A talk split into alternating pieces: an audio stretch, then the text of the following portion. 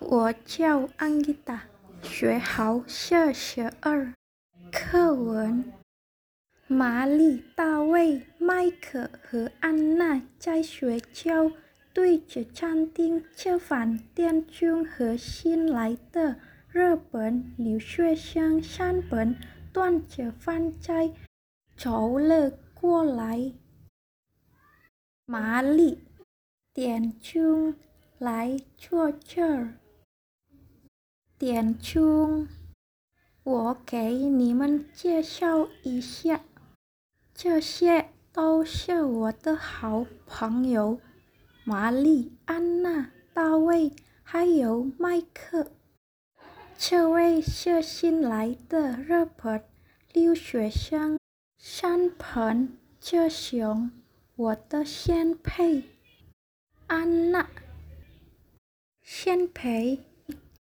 点钟，他在大学里比我高几个年级，我应该叫他先辈。安娜，这和中国人说的先辈可不是一个概念。玛丽等，你好，山盆。初次见面，请多关照。安娜，对点钟。我看那你们日本人见面总是说这两句。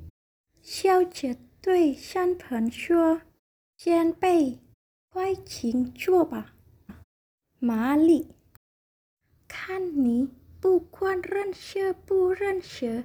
见面就开玩笑。大卫，对山盆，你是学什么的？是本科生还是双修生？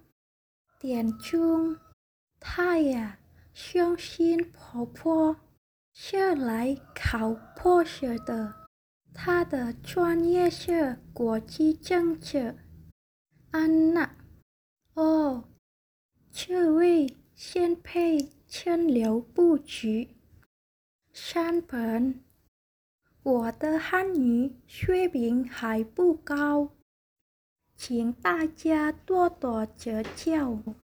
安娜，看，又见书上了。山本，这不是见书，我是第一次来中国。很多事情都不了解，来的第一天就闹了个笑话。安娜，什么笑话？说出来让我们听听。山本，我听说中国人见面喜欢问吃了吗？所以我见人就问吃了吗？他们都很奇怪地看着我，也有人反问我：“你还没吃饭吗？”我现在明白，那些中国人在吃饭时间见到朋友说的一种问候语，不是什么人、什么时间都能说的。麦克。确实是这样。我刚来中国的时候，我的中国朋友常常问我：“你去哪儿？昨天去哪儿？”我很不高兴，觉得这是我的隐私，为什么要告诉你？后来我才知道，那些不过是……他的一种问候语，你只要回答句句，记住了就行了。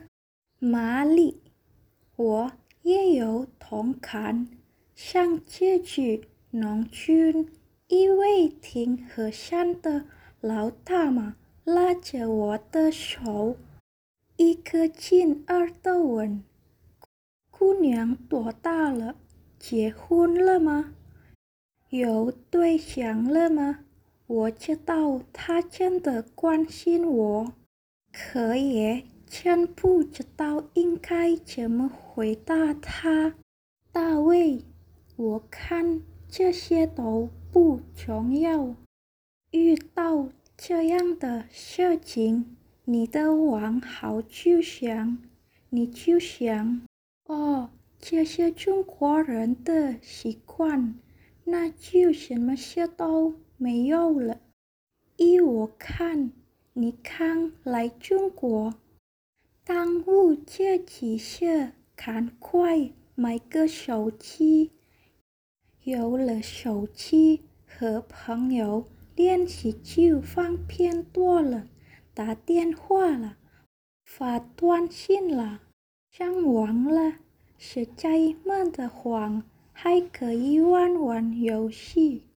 玛丽，我也给你的建议：找个中国的大学生互相辅导，除了互相学习，你还可以通过他认识一些中国朋友，和中国朋友聊天，特别强学问。麦克。我给你一个忠告：在小摊上买东西要学会讨价还价，特别是买衣服、买鞋的时候。